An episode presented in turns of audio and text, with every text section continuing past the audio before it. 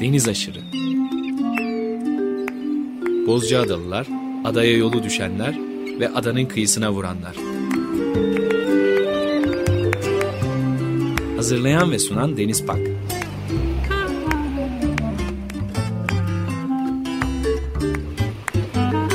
Türkiye için rüzgar enerjisi üreten Demirer Enerji'ye katkılarından dolayı teşekkür ederiz.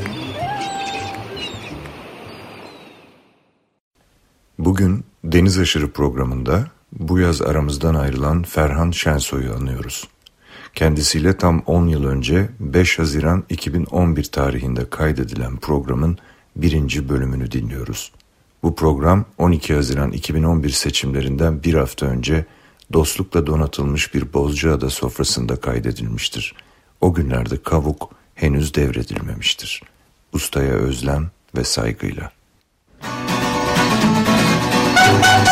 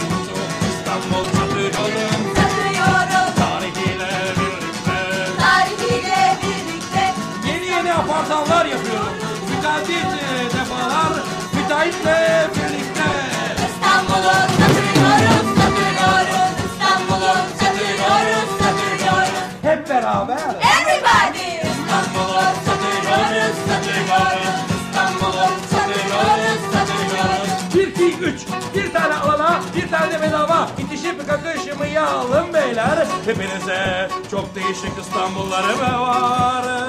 Ustam ölmüş satmak benim işimdir İstanbul'u satıyorum Satıyorum Çok paralı İstanbul sultanal Yıkarak konakları köşkleri Gerekirse gerekirse yakarak Koskoca bir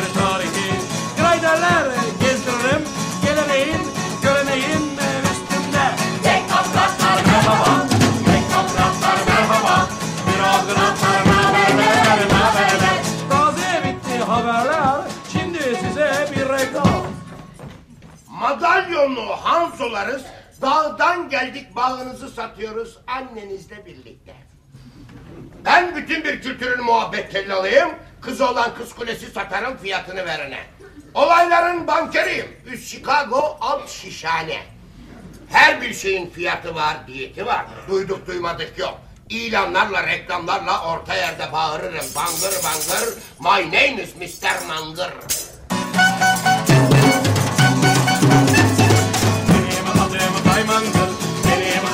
I'm on.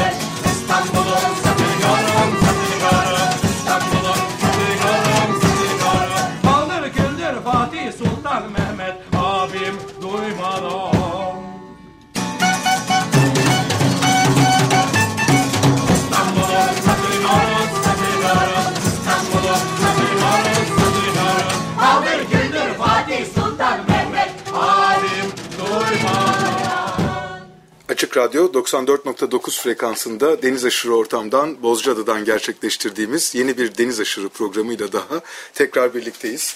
Bu hafta Bozcaada'da çok önemli bir program konuğumuz var. Bizim için e, çok büyük bir onur kendisinin burada olması. Ferhan Şensoy'la birlikteyiz. Bizim programda da e, ikinci kez bir arada program gerçekleştireceğiz. Abi sen de ben de hoş geldik programa. Ho- Hoş bulduk. Teşekkür ederim Deniz. E, bir önceki programı SES 1885 e, Orta Oyuncular Tiyatrosu'nda yapmıştık. E, oranın da müthiş atmosferiyle yapmıştık. Evet, Burası e- o kadar değil ama yine de natür olarak güzel bir atmosfer. Burası farklı bir şekilde daha heyecan verici. Bozcaada'dan yayındayız. Bize senin orası çok heyecan verici geliyor. Sana burası çok Fa- heyecan verici geliyor. Farklı şeyler yani. Evet, e, karşılaştırılamayacak şeyler. Elma ile armut ikisi- gibi. Evet, her ikisi Ama de. burası da çok heyecan verici. Ben Bozcaada'yı çok seviyorum. Evet, Bozcaada'ya ikinci gelişin diye biliyorum. Evet, daha önce 25 yıl önce gelmiştim. İki araba yan yanayı zor alan, ters girilen Roro ile gelmiştim. Şimdi boş bir feribotla geldim. Tarih itibariyle e, tatilciler saldırmadan önce gelmek istedim. Seçim öncesi hafta. Seçim öncesi hafta bir şey yazıyorum. İşte o amaçla buraya geldim. Burada da e, çok mutluyum. Biz E, çok güzel çalışıyorum. Harika. Bizi de çok mutlu ettin abi geldiğin için. Bu hafta programa başlarken de İstanbul'u satıyorum oyununun müzikleriyle başladık. Bu oyunlar aslında müzik olarak sende yok. Bir video olarak var. Elbette müzikleri de içinde ama ben e, senin için onun e, ses dosyalarını e, ayrıştırıyordum bir süredir. Burada birlikte bu programda onu da kullanabilme imkanı bulduk. E, ilk parçayı İstanbul'u satıyorum diye isimlendirmiştim ben. Evet zaten leitmotiv odur şarkının. Aranamesi. İstanbul'u satıyorum. Oyunun da ismi budur. Biz bütün oyunlarını abi aynı e, hayranlık derecesinde ilgiyle takip ettiğimiz için e, yanlı konuşabilirim. Dinleyicilerimiz de bizi lütfen maruz görsünler. İstanbul Satıyorum kaç yıl önce oynadığınız bir oyun? İstanbul satıyorum.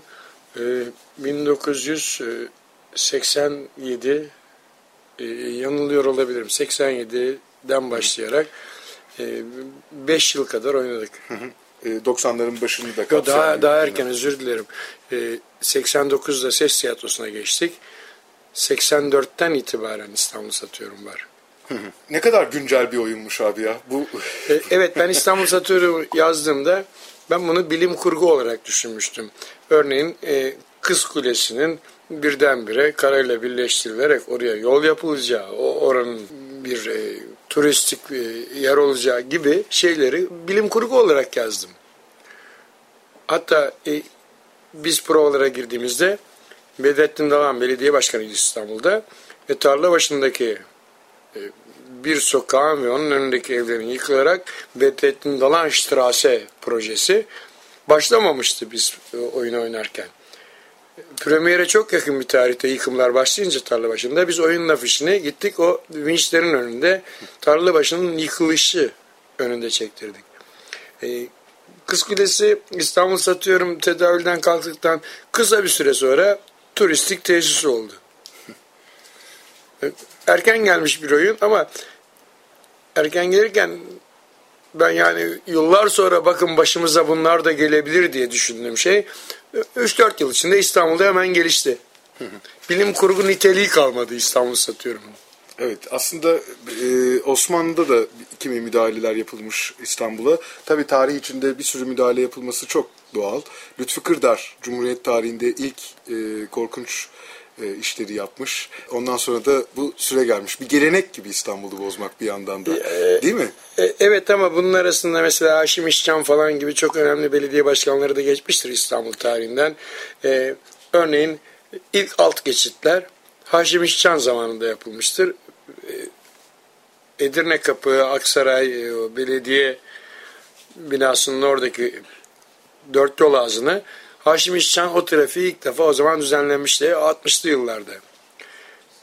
Ve şeyler e, frikikçiler çok mutlu olmuşlardı çünkü merdivenlerden çıkıyordu kadınlar. Daha alt basamaktan giderek alt geçidi, üst geçidi öyle, alt geçidi öyle kullanıyorlar. Frikikçi oyu belirlemiş olabilir mi abi belediye başkanlarını? Sanmıyorum çünkü o seçildikten sonra yaptı bunları. Frikikçiler olayı sonra fark ettiler. Evet. E, istersen bir kayıt daha dinleyelim İstanbul'u satıyorum oyunundan. Münir Özkul'un. e, Evet Münir Özkul'un mükemmel yorumladığı e, bir şarkıdır ve başka birisi tarafından söylenmesinin anlamı yoktur. Benim bestem, oyunun müzikleri bana ait. E, Münir abi oyunculuğa yaklaşımında da, şarkıya yaklaşımında da hep e, zor bir adamdır. Ben bunu beceremem efendim diye başlıyor konuya. En zor oyuncu. Ama bu sadece gerçek önemli oyuncularda vardır. Ben de öyle yaklaşırım. Korkuyorum ben bu rolden. E, 40. yılım sahnede korkuyorum ben bu rolden. Neden korkuyorum lan? 40 yıldır oynamışım mı 50 tane oyun, 60 tane oyun? Hayır. O saf oyunculuk dediğim bir şey. E, Önemli oyuncularda var olan bir şey. Münir abi bunların uzmanıdır. İstanbul Satıyorum provalarına girdiğimizde e, Münir abi ben zaten Erol abinin de aracılığıyla zor ikna ettim. O hep kaçıyor. Ben oynayamam, teşekkür ederim, ben beceremem falan gibi bir adam evine kapanmış. Zaten 3-4 prova sonra da teksi bana erken gelip provaya iade etti. Ben oynayamayacağım efendim dedi. Ya Münir abi saçmalama ne demek? Senin için yazdım ya ben bu rolü. Oynayamam, beceremem. Ona hep e, önce çok e, panik oldum ben bu olaydan. Münir abi olmazsa kim olacak ki Mimar Sinan? Onun için yazdım rolü. O, olamaz yani. Erol abi araya girdi, onu ikna etti falan. Alıştırdık. Şarkıya geldik. Ben söyleyemem efendim dedi. Ve mükemmel söyledi. Dinleyelim o şarkıyı şimdi. Onun Dinleyelim. sesinden. Evet dinleyicilerimizle de paylaşalım. İstanbul'un sesi bitmiş. Hani gür sesli bir simitçi. Çok arabesk sokaklardan geçiyorum. Hani nerede sokak satıcısının sesi? Sokak satıcısı nerede? Satıcıdan vazgeçtik. Hani sokak nerede? İstanbul'un sesi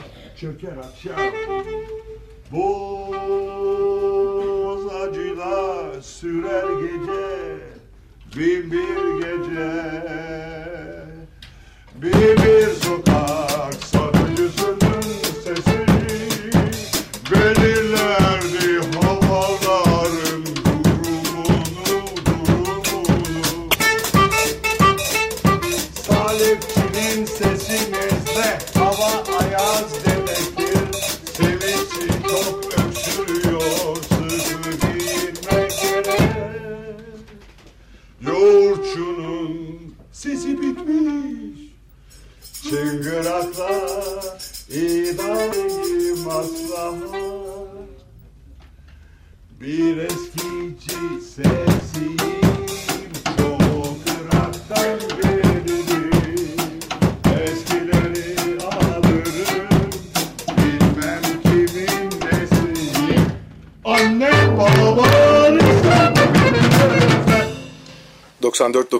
Radyo'da Deniz Aşırı programında program konuğumuz Ferhan Şensoy ile hem İstanbul'u Satıyorum oyununun müziklerini dinlemeye hem de hem oyundan hem de sair şeylerden, bambaşka şeylerden bahsetmeye kaldığımız yerden devam ediyoruz. Münir Özkul'un e, sesinden müthiş bir parça dinledik. E, oyunun içinde bir parçaydı ama İstanbul'un ruhunu da veren aslında bir parçaydı. Evet çünkü Münir abi benim yazdığım İstanbul'u benden daha eski olarak çok güzel bir İstanbul'u yaşamış bir insan olarak bunu o duyguyla söyledi. Ee, biz İstanbul satıyorum 5 yıl oynadık. Münir abi o şarkı söylerken kuliste herkes durur ve dinlerdi. Ya çok çok özeldir Münir abinin söyle, söylemesi onu. Evet. Hem o çok özel, e, onun sözünü, müziğini kim yazdı? Yani hepsini ben yazdım. Her şeyi ben yapıyorum ya tiyatroda. Evet. Dekoru da ben yaptım falan. Buna çok bozulanlar var. Niye her şeyi sen yapıyorsun? Bir dekoratör gelse, bir koreograf gelse gibi. Bunları denedik biz tiyatromuzda. Örneğin e, sevgili Fikret Kızılok Köyne Bizans Operası'nın müziklerini yaptı. Çok iyi hatırlıyorum. Müthişti müzikler. Mükemmel müziklerdi. Ancak bir tiyatro oyuncusunun söyleyebileceği şeyler değildi. Biz birdenbire operadan kimi arkadaşlara figüran olarak koroyu almak zorunda kaldık.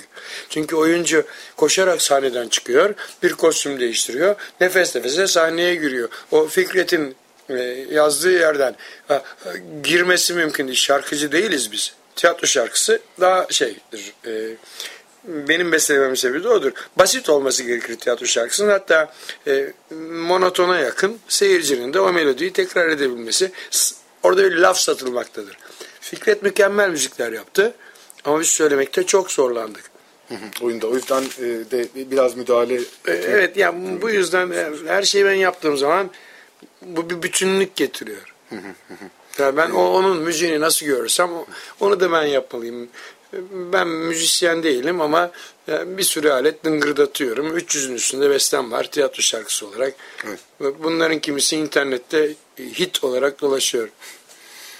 Eline sağlık. Müthiş yani sözler hakikaten e, harikulade. İstanbul'da tabii bir yandan seyyar satıcının e, aksamasıyla, aksırması, tıksırmasıyla o günün hava raporunda da E, e, hissettiğimiz. Evet ya e, zamanı İstanbul'da- zamanı belirliyor. Kaçta geçtiği belli simitçinin. Evet. Simitçi geçince o zaman cep telefonu saat 5 oldu demiyor. Cep telefonu yok ama simitçi geçince o saat aksamıyor simitçinin saati. Hep o saatte geçiyor. Simitçi, salepçi bunlar zamanı belirliyorlar İstanbul'da. O çok güzel bir İstanbul'du. Ben bunu çok az yaşayabildim. Çok küçüktüm. Ama Münir abi bunu güzel yaşamış bir insan olarak bu şarkıyı çok güzel söyledi. Evet nasıl yok ola yola da gitti bir yandan da bu muhabbet değil mi? Ee, elbette. Evet. Bu arada tabii davulda Rasim Öztekin var. Davulda Rasmi Öztekin, klarnette Selim Sesler. Evet. Selim Sesler profesyonel bir müzisyen ama Rasim Öztekin'in davul çaldığını biz e, sizin tiyatronuzun izleyicisi olarak sadece biliyoruz. Evet bunun çok güzel başka bir hikayesi var. Bu oyunda değil ama Hayrola Karyola oyununda yine Selim Sesler var. Orkestrada Şükrü Türen var. Saksafon çalıyor. Ben gitar çalıyorum. Rasim de davul çalıyor. Koreograf olarak Sayit Sökmen Hayrola Karyola'nın koreografisini yapıyor. Sayit Sökmen provalara sadece şarkı provalarına katılmak üzere gelebiliyor. Oyunun diğer provalarından haberi yok.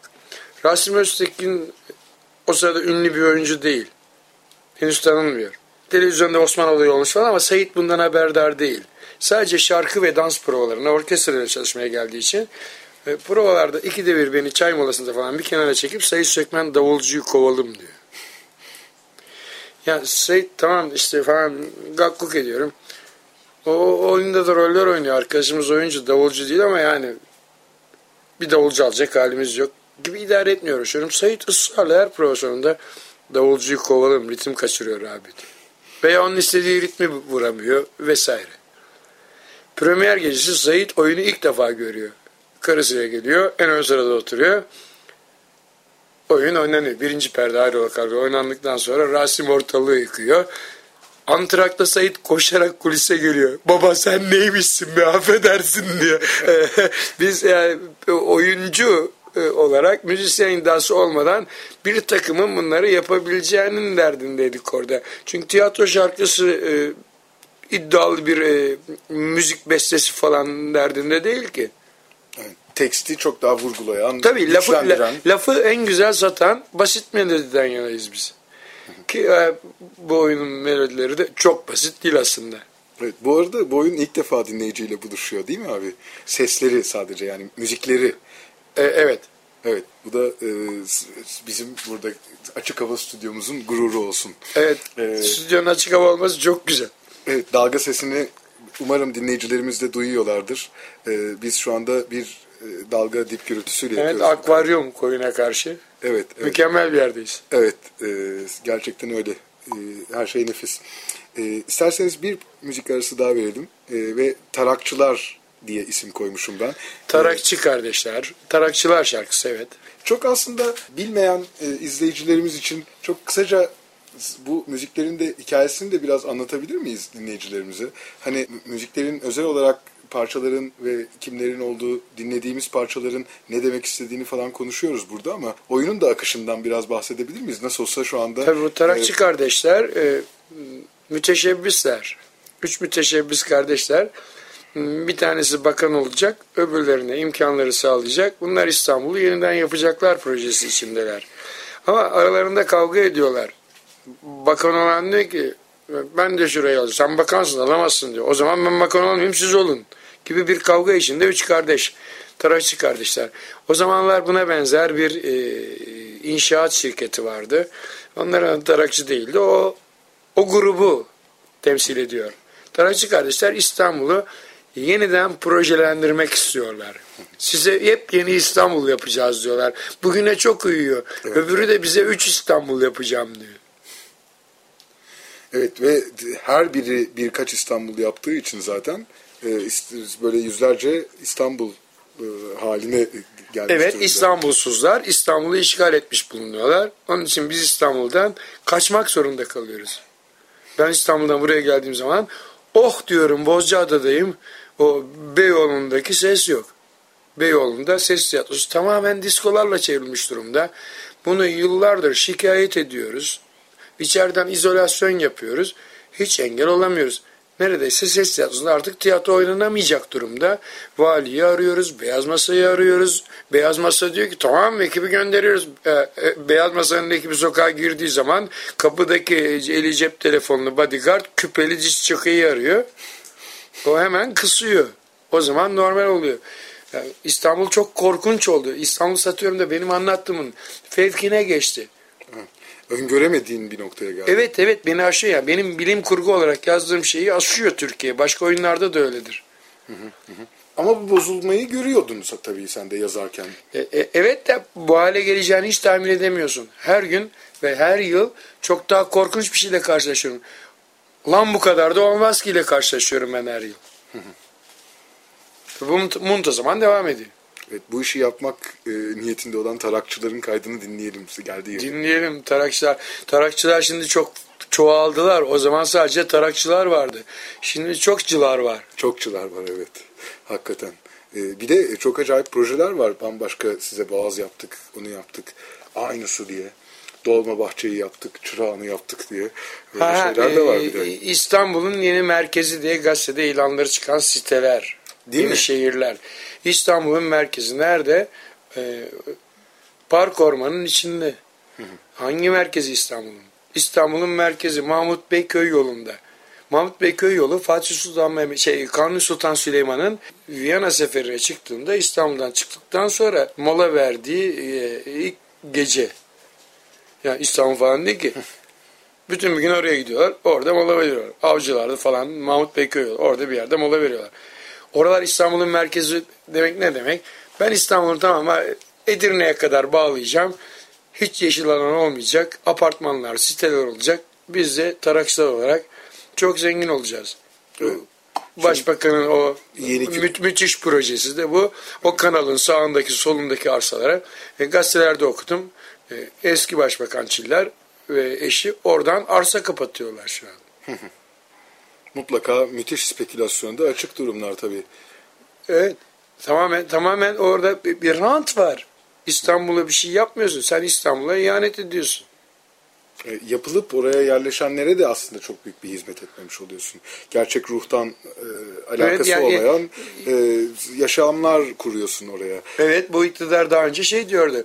İstanbul'a girmek için belediye başkanı iken Tayyip Erdoğan İstanbul'a girmek için vize koymak lazım. İstanbul bozulduğunun tavrına cevaben söylüyordu. E, vize koymak lazım derken İstanbul'u birdenbire Trakya ve Marmara bölgesi halinde bitiştirmek istiyor. Büyük kentlere e, özenerek bu hareketi yapıyorlar. Ha, Tabii bu kadar büyük kent büyük- yok canım. Evet. Bu kadar büyük kent yok. Dünya haritasına bak yani. Belki e, işte Pekin gibi New York gibi e, ki New York'un nüfusunun kaç olduğunu bilmeden söylüyorum bunu. Yani Ni- New York New York'a yarım saatte dolaşıyorsun. Ulaşamayacağın bir yer yok yarım saat sonra. New York çok büyük değil. New York önemli bir kent ama çok, çok güzel yerleşmiş bir kent. Orada sorun yok yani. Nüfus e, çok artmıyor. Gelen var, giden var falan. Bir trafiği var.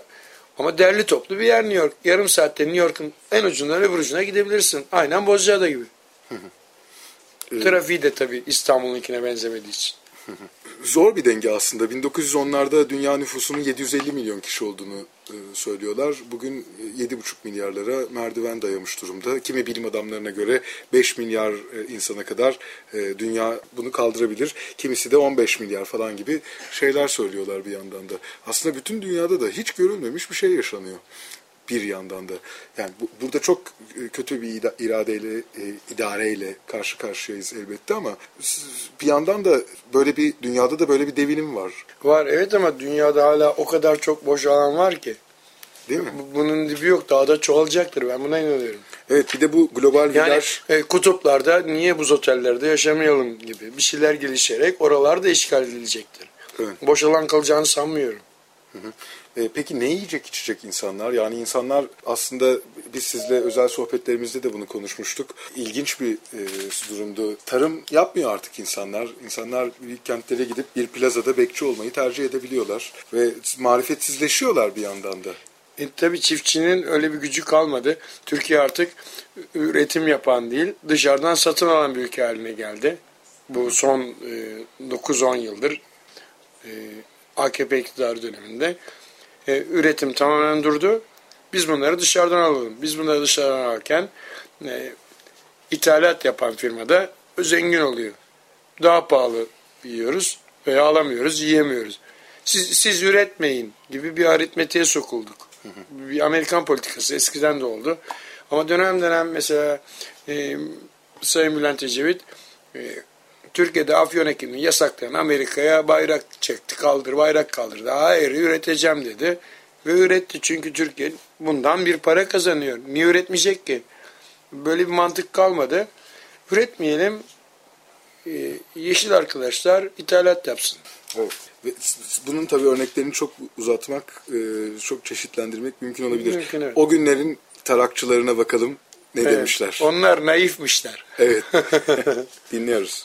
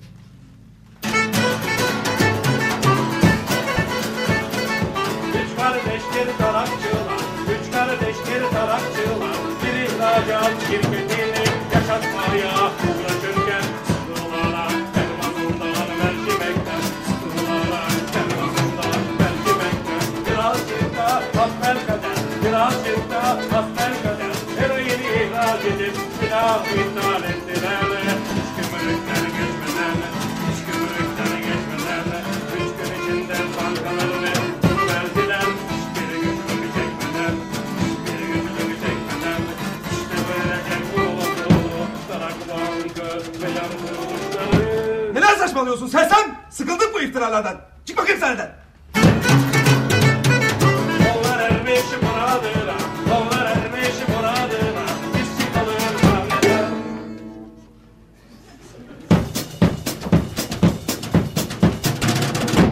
94.9 Açık Radyo'da Deniz Aşırı programında program konuğumuz Ferhan Şansoy ile sohbetimize ve İstanbul'u Satıyorum e, oyununun e, müziklerini e, dinleyerek devam ediyoruz. Tarakçıların muradına ermesiyle ilgili bir e, parçaydı bu da. Müthiş kimler var burada? Ee, burada da Selim Sesler var, Rasim var. Bir Ee, orkestrada Selim Rasim, e, Rasim davulcu, Selim klarnetçi olarak var. E, Ben gitar çalıyorum. E, o- Sanırım orkestra bundan ibaret. E, Hatırlamıyor olabilirim. Videoya bakmak lazım. Başka enstrüman yok yani kayıtta. E, ama bir çok seslilik duyuyoruz. Onlar da e, oyuncuların Ta, oy- oy- sesleriyle oyuncular şarkı söylüyor. Oyuncular şarkı söylüyorlar. e, bunu yapıyoruz. Tarakçıların e, arada eroin ihraç ederek falan da yollarını bularak ve tabii. bir yandan da yeni İstanbul da oluşuyor bir yandan da. Tabii e, dönem e, Özal dönemi bu müteşebbislerin e, patladığı dönem. Yürüyün ya müteşebbisler demiş Özal. Bunlar da ona yakın insanlar mutlaka. Tarakçılar Özallara yakın bir ailedir mutlaka. Yani oyunda öyle düşündürerek yazılmış. E, O zaman bunlardan birkaç tane falan vardı. Aa, şimdi pıtırak halindeler. Evet. Demin konuştuğumuz gibi. İstanbul'un yeni merkezi bir şey kent. Bir şey kent İstanbul olamaz ki. İstanbul olsa sonuna kent koyulmasına gerek yok. Ya o bizim başta da söylediğim gibi bilim kurgu olarak düşündüğümüz şey bizim bilim kurguyu falan hızla aştı. Aa lan bu kadar da olmaz ki'ye geldik. E, kentlerin dokuları da yok artık. Bir de onu da görüyoruz, Tabii bütün bütün evler birbirine çok benziyor. Hepsi aynı badanalı veya An- Anadolu'da yapılanlar hepsi daha değişik renk badanalı yan yana bitişik evler. Mimarileri de aynı. Bir mimari söz konusu değil. Laz apartman inşaat. Evet ama bir e, tabii belediyeden onay alabilmek için bir prototip projeleri var falan. Bir O onlar bir- onlar var tamam da o orada e, e, Anüsüçi kadar bir arazide e, 30 tane daire düşünüyor müteahhit olarak. Mimar olarak bana geldiğinde ben diyorum ya bu olmaz ki ya falan 20 daire olsa çok güzel olacak. Hayır hayır 36 olsa daha iyi olur diyor. Onun içinde yaşayacak insanları falan düşünme durumu yok. Yani öyle bir e, urbanist, e, mimari yaklaşım yok. Tamamen e, F tipi internet hücreleri yapıyorlar. Herkes oraya laptopunu koyuyor. Tamam laptop sığıyorsa bu ev bize çok güzel. Evet algı da bu değil mi abi? Tabii. E, Yakında alışveriş merkezi var mı? Ya, Kütüphaneye lüzum yok Tabii. falan. Her şey internette zaten var. Yani internette var. Laptop sığıyorsa ev çok güzel. Evet. E, bugünlerde Bozcaada'da da bir koruma amaçlı imar planı hazırlanıyor. E, Herhalde geleceği nasıl olacağını, nasıl şekillendireceğini de bir şekilde göreceğiz. İmar planı hazırlayanlara, e, hazırlayanlarla e, halkın olduğu bir e, toplantı e, düzenlendi. Çok tabii düzmece bir toplantıydı bu. Ben de birkaç soru sordum. Benim sorularım hepsi cevapsız kaldı. E, dedim ki hani bundan 30 yıl sonrasının bitmişinin fotoğrafını görüyor musunuz Bozcaada'da? Ve bir taşıma kapasitesi hesabınız var mı dedim. Yani ne kadar insanı tahayyül ediyorsunuz adada? Nasıl bir yapı e, yapmayı düşünüyorsunuz diye. Her şeyi yapıyoruz dediler. Yani Böyle Boz- bir cevap aldım sadece. Hiçbir analitik cevap vermediler.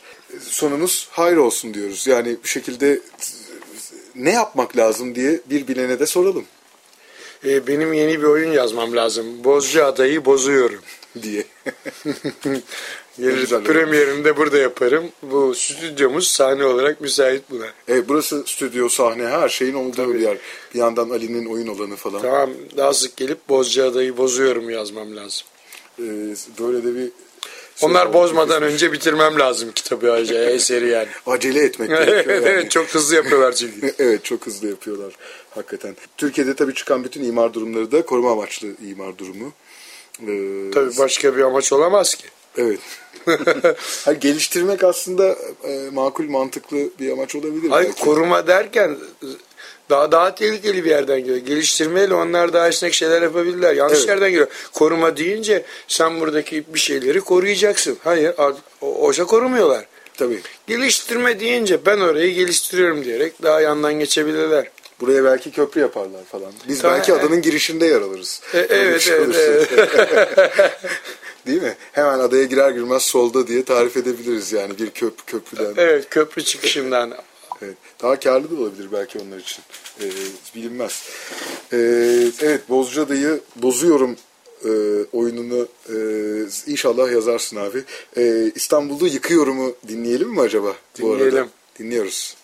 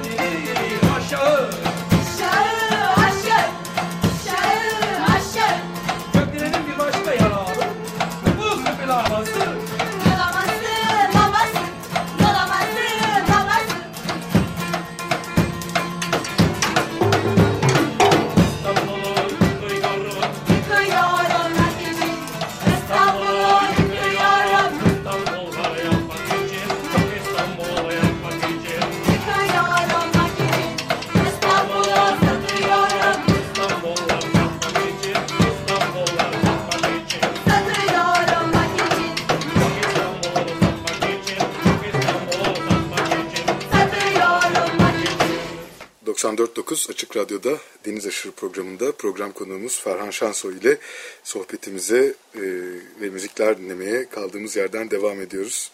İstanbul'u yıkıyorum manalı oldu hakikaten. Nefis.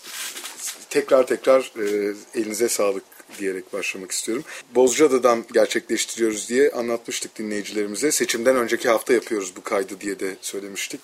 E, Seçime çeyrek kala. Hafta Evet. bile değil artık. Kimi umutlarımız da var. Hala bitmiş değil yani bu kaydı yaparken. Umuyoruz sadece. Ee, ve isterseniz biraz burada bir şeyler yazıyorsunuz. Bizimle paylaşır mısınız? Ben de size çok zor soru soruyorum. Lütfen dinleyicilerimiz de siz de maruz görün beni. Hayır hayır zor değil. E, tabii buraya bir şey yazmak amacıyla geldim.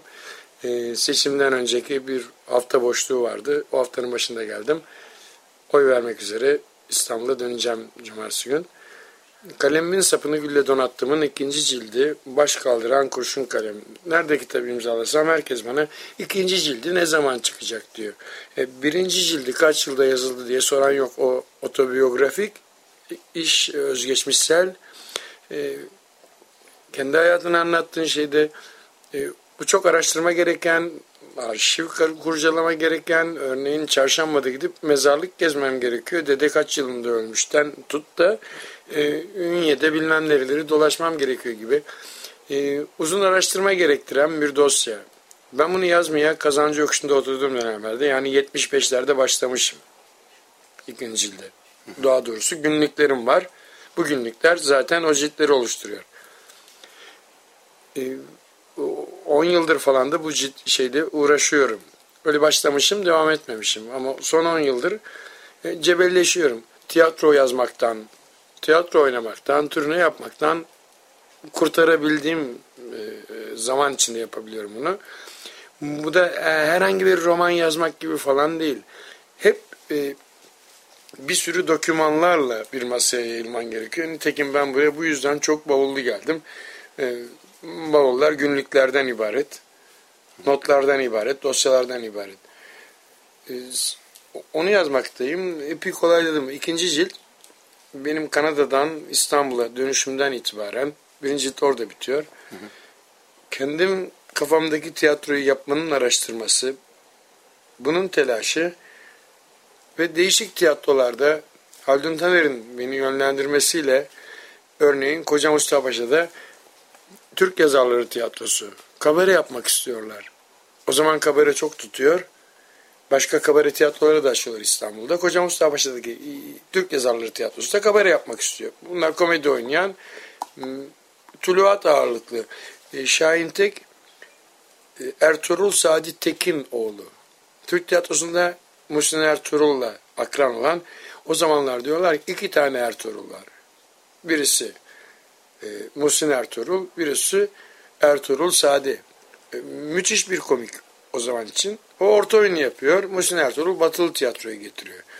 Ben Ertuğrul Sadi Teki e, 70'li yılların e, sonunda e, Darül Azize'de yaşadığı bir dönemde bir Tiyatrocular Derneği'nin kuruluş gecesine oradan getirdiler. Sahneye çıktı mikrofonda. Küçük bir şov yaptı. Çok yaşlıydı. Yaşını hatırlamıyorum. Yanlış bir şey söylemek istemiyorum. Mükemmel bir şovdu. O zaman kimse stand-up bilmiyordu. Ertuğrul Saatlik orada stand-up yaptı. Biz de bilmiyorduk. O zaman herhangi şeyler de yoktu. Mükemmel bir aktördü. Ben, ben gittim o tiyatroda çalıştım. Halil Taner beni oraya yöneltti. Öbür tiyatroda çalıştım. Ama hep çalıştığım tiyatrolardan ben hep hayır hayır benim kafamdaki bu tiyatro değil. Ya, o tiyatro bu değil. Benim başka bir tiyatro yapmam lazım. Sonuç olarak da kendim bir tiyatro kurmam gerektiği düşüncesinin oluştuğu dönemi anlatıyorum kitap. 1975'te Türkiye dönüşümde 1980'de Orta Oyuncuların kuruluşu ne kadar olan o dönemi anlatıyor. 78'i bitirdim, 79'a geldim. Yani kolayladım. Sanırım yıl sonundan önce çıkacak. Baş kaldıran kurşun kalem. Hı hı. Onu yazmaktayım burada. Burada çok güzel yazıyorum. Sana teşekkür ediyorum. Ben teşekkür ederim. Bu, burada e, böyle e, bir şey de olduğu için ben e, müteşekkirim gerçekten. Bu arada tabii kendi tiyatrosunu kurmak, e, o zamanlar gençsin. Evet evet gencim. Ee, 24 yaşındayım. E, bu, bu niyete vardığımda kuruluşu da tiyatro kurulduğunda 80'de kuruldu. Batı eğitimi almış bir adam olarak e, Türkiye'de bu tiyatroyu kurmak zor bir işti herhalde. Çok orada da bir sürü hikaye olacağını tahmin ediyorum. O da üçüncü cilt galiba. Tabii orta oyuncuların e, yapı endüstri merkezinde premier yapıp şahları davullarla 5 yıl şahları davullar oynadığı arkasından Kanaman Bakkal Süpermarket'e karşı e, ve devam eden oyunlarla küçük sahnede yaşadığı 10 yıl 3. cilt. 4. cilt Kültür Bakanlığı bizi küçük sahneden atıyor. Sokaktayız. O zaman ses tiyatrosunu önermemiz lazım gibi bir e, çılgın proje. Yani başbakanınkinden çok daha çılgın. Evet hakikaten öyle. Tabii başbakanken yapmak çok kolay. Ben ses tiyatrosunu sıfırdan yaptığım zaman hiç bakandım. Hala da çok bakan değilsiniz yani. Evet. Etrafa bakıyorum. evet evet. Ee, müthiş hikayeler gerçi. Her bir e, hikaye içinde böyle binlerce milyonlarca parantez açıp kaybolmak isterim. Ama e, mesela burada e, yazdığınız küçük bir hikaye dinleyicilerimizle paylaşabilir miyiz? Kitapta yayınlanmadan önce böyle bir şeyi de e, sorabilir miyim? Bu arada hep maruz dedim çok özür dilerim. Bazen dil sürçmesi mazur görürseniz. e, estağfurullah. E, ikinci ciltte leitmotiv olarak bir e, Özcan Özgür figürü var. Özcan Özgür Türk tiyatrosunun en renkli oyuncularından biriydi. E, zaten kitap onunla başlıyor. Sonra geri dönüşlerle tekrar Özcan Özgür'e geliyoruz.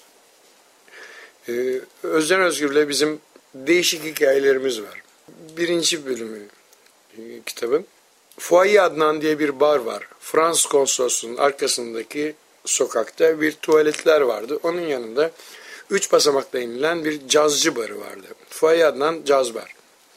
Oraya o zaman Türkiye'nin en önemli cazcıları gelirdi. Hangi gece kimin geleceği belli değil. Duvarda enstrümanlar asılı. Bütün enstrümanlar var. Tam jam session. Evet jam session. Kim gelmişse takılıyor. Piyanoda Altan İrtel var. Kemanda Fransız Nuri var. O R'leri hi yumuşak söylüyor. Fransız Nuri. Bar bir buçuk metre. Dört tane sandalye var. Barın arkasına Fuayi Adnan şişman göbekliydi. Zor sığıyor. Barın köşesinde de bir tane abajur olan tek aydınlık nokta var. Çok loş bir var. Orada orası Özdemir Asaf'ın yeri. Özdemir Asaf orada peçeteye şiir yazıyor. Gözlüğü alnına kaldırmış. Oraya atmış biçimde. O barda başlıyor kitap. Ee, Özden Özgür ben Ayfer Ferhat Tiyatrosu ile turneye çıkmak durumundayım. Böyle bir proje içindeyim. Çünkü Türkiye'de gelmiş bir yerlerde çalışmış umduğumu bulamamışım. Tamam Ayfer benim eski patronum. Ben onunla turneye çıkayım da. Haldun Taner hep danışıyorum ben bu konuları. Hocam Ayfer Ferhay bana turne teklif ediyor. Gideyim mi? Hiç gördün mü oraları dedi Haldun Taner. Hayır. Git o zaman. Sen Fransa'dan gelmişsin, Magic Circus'tan gelmişsin, Taksim Parkı'nın ortasında çadır tiyatrosu düşünüyorsun. Ha, önce bir Türkiye'yi dolaşsanayı bana çok kibar öğretti Haldun Taner. Beni bu anlamda e, velim olarak gerçekten çok güzel yönetmiştir. Şahin Tek Tiyatrosu'na git, bak onları da gör. Sirk yapmak istiyorsam böyle bir tiyatro da var. Çadır tiyatrosuna yakınlar, onları da gör. Ha, Ayfer'li turneye de git. Nisan Hanım'la da çalış, çok şey öğrenirsin turnelere git Türkiye'yi bir öğren de ondan sonra tiyatronu kurarsın gibi 5 yıllık bir kalkınma planını ardından bana hazırlamış ben bunu sonra fark ediyorum. Belki o da çok bilinçli 5 yıl sonra falan tiyatro diye düşünmedi ama bir dakika oğlum dedi biz baba oğul gibiydik. Ya şuraya git buraya git bunları bir gör. Ondan sonra sen tiyatronu kur gibi bir şey oldu. E, sonuç olarak da ben Şahları Davulları yazdığımda işte bu ikinci cilt orada bitecek. Divan e, otelinin pastanesinde Haldun Taner'e birinci cildi okuyorum. Ve hocam ben bu e, oyunumu başka bir tiyatroya vermek istemiyorum. Kendim tiyatro kurmak istiyorum diyorum. Param var mı diyor Haldun Taner. Yok hocam diyorum. Hatta ben de yani iki kalas bir heves hikayesi de bende heves çok da kalas parası da yok diyorum. TRT'den 10 bin lira alacağım var. Tamam kur o zaman diyor Haldun Taner. Bana böyle bir ivme veriyor. Ve orta oyuncular Haldun Taner o cümlesine güvenerek kuruluyor. bir bilene sorulmuş ve o bilen yol göstermiş. Evet ama benim bir bilenim o genel anlamdaki bir bilenden çok değerli bir bilen. Evet, evet, evet. Doğru bilen olmuş yani. Evet. Evet. Müthiş, müthiş olmuş. Biz de müteşekkiriz gerçekten. Bu programın da sonuna geldiğimizi görüyorum. Ama bu programın sonuna gelirken bir yandan İstanbul'u satıyorum oyununun da birinci perdesinin sonuna geliyoruz sanıyorum. Evet. Birinci Ee, perde finalindeki şarkı komedyadır, çok güldürür, sık getirir çişi şarkısı. Suzan Akay o zaman tiyatromuzun tuvaletçisi olarak bulunuyor. Yaşlı bir Aa, hatırlıyorum. Ne kadar enteresan bir karakterdir ya. Evet, evet. Suratı İnanılmaz. çok ekspresif. Sesi çok acayiptir. Evet eski bir kantocu Suzan Akay. Çadır tiyatrolarında çalışmış. Kocası kuklacı. Onunla kuklalar oynatmış. E, sonra artık e, çok yaşlanınca da o işler çaptan düşünce e, küçük sahnede ben küçük sahneye geldiğimde benden önceki tiyatrolarda da tuvaletçilik ona aitti. Biz küçük sahneye geldiğimizde de o geldi tuvalete ben bakarım dedim. Memnun olduk tanıştık. Buyurun Suzan Hanım dedik. Öyle tanıştık. Bu oyunda da m, oyun aslında ilk yazdığımda daha batılı bir mantıkla antraksız bir oyun olarak yazılmıştı. Antrak yoktur falan diye bir şarkı vardı. E, sonra Suzan dedi ki tuvalete gidilmeyecek mi? Büfeciler isyan etti. Büfeciler de o zaman Nöbeş Tiyatro'da oyuncu olan şey e, öğrenci olan Erkan Üçüncü e, rahmetli Ha- Hakan Sepetçi ve Caner Alkaya. O oyunla profesyonel oldular. Bunlar da sadece o Suzan Hanım'ın şarkısında sahneyi basarak Suzan Hanım sahneyi basıyor. Kimse çişe gitmeyecek mi? Komedyadır, çok güldürür. Sık getirir çişi şarkısıyla antrak talebinde bulunarak şarkıyı basıyor. Sahneyi değil şarkıyı basıyor. Büfeciler arkasından basıyorlar. Ve onların talebiyle antrak yapılıyor. Perde arası yapılıyor. Suzan Hanım Allah rahmet eylesin çok katkısı vardır orta oyunculara. Evet, birçok birçok sizin filminizde, Evet, dizilerde fil- filmlerde, Köşe Dönünce filminde falan biz onu çok kullandık. E, Fellini Suzan Hanım'a rastlasaydı Suzan Hanım başrol oynardı. Öyle bir ekspresif suratı vardı ve başarılı bir oyuncuydu. müthiş ya. Ruhu şad olsun diyerek bu programı bitirelim isterseniz. Dinleyelim. Ve dinleyelim. Ee, önümüzdeki hafta Salı günü saat 11'de yeni bir Deniz Aşırı programında buluşuncaya dek hoşçakalın. E, hoşçakalın.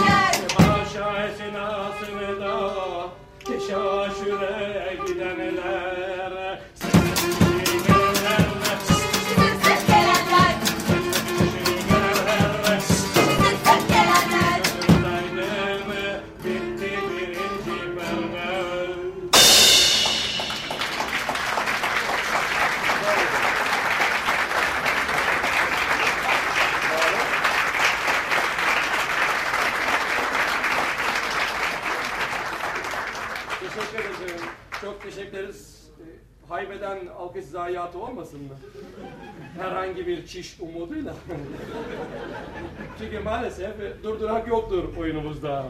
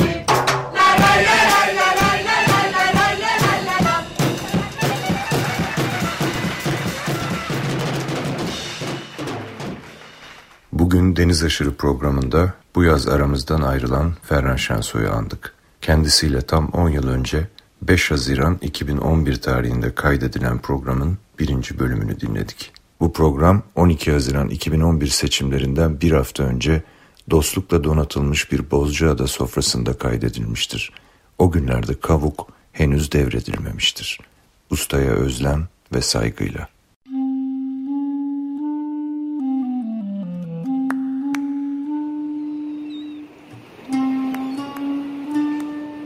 deniz aşırı. Bozcaadalılar, adaya yolu düşenler ve adanın kıyısına vuranlar. Hazırlayan ve sunan Deniz Pak.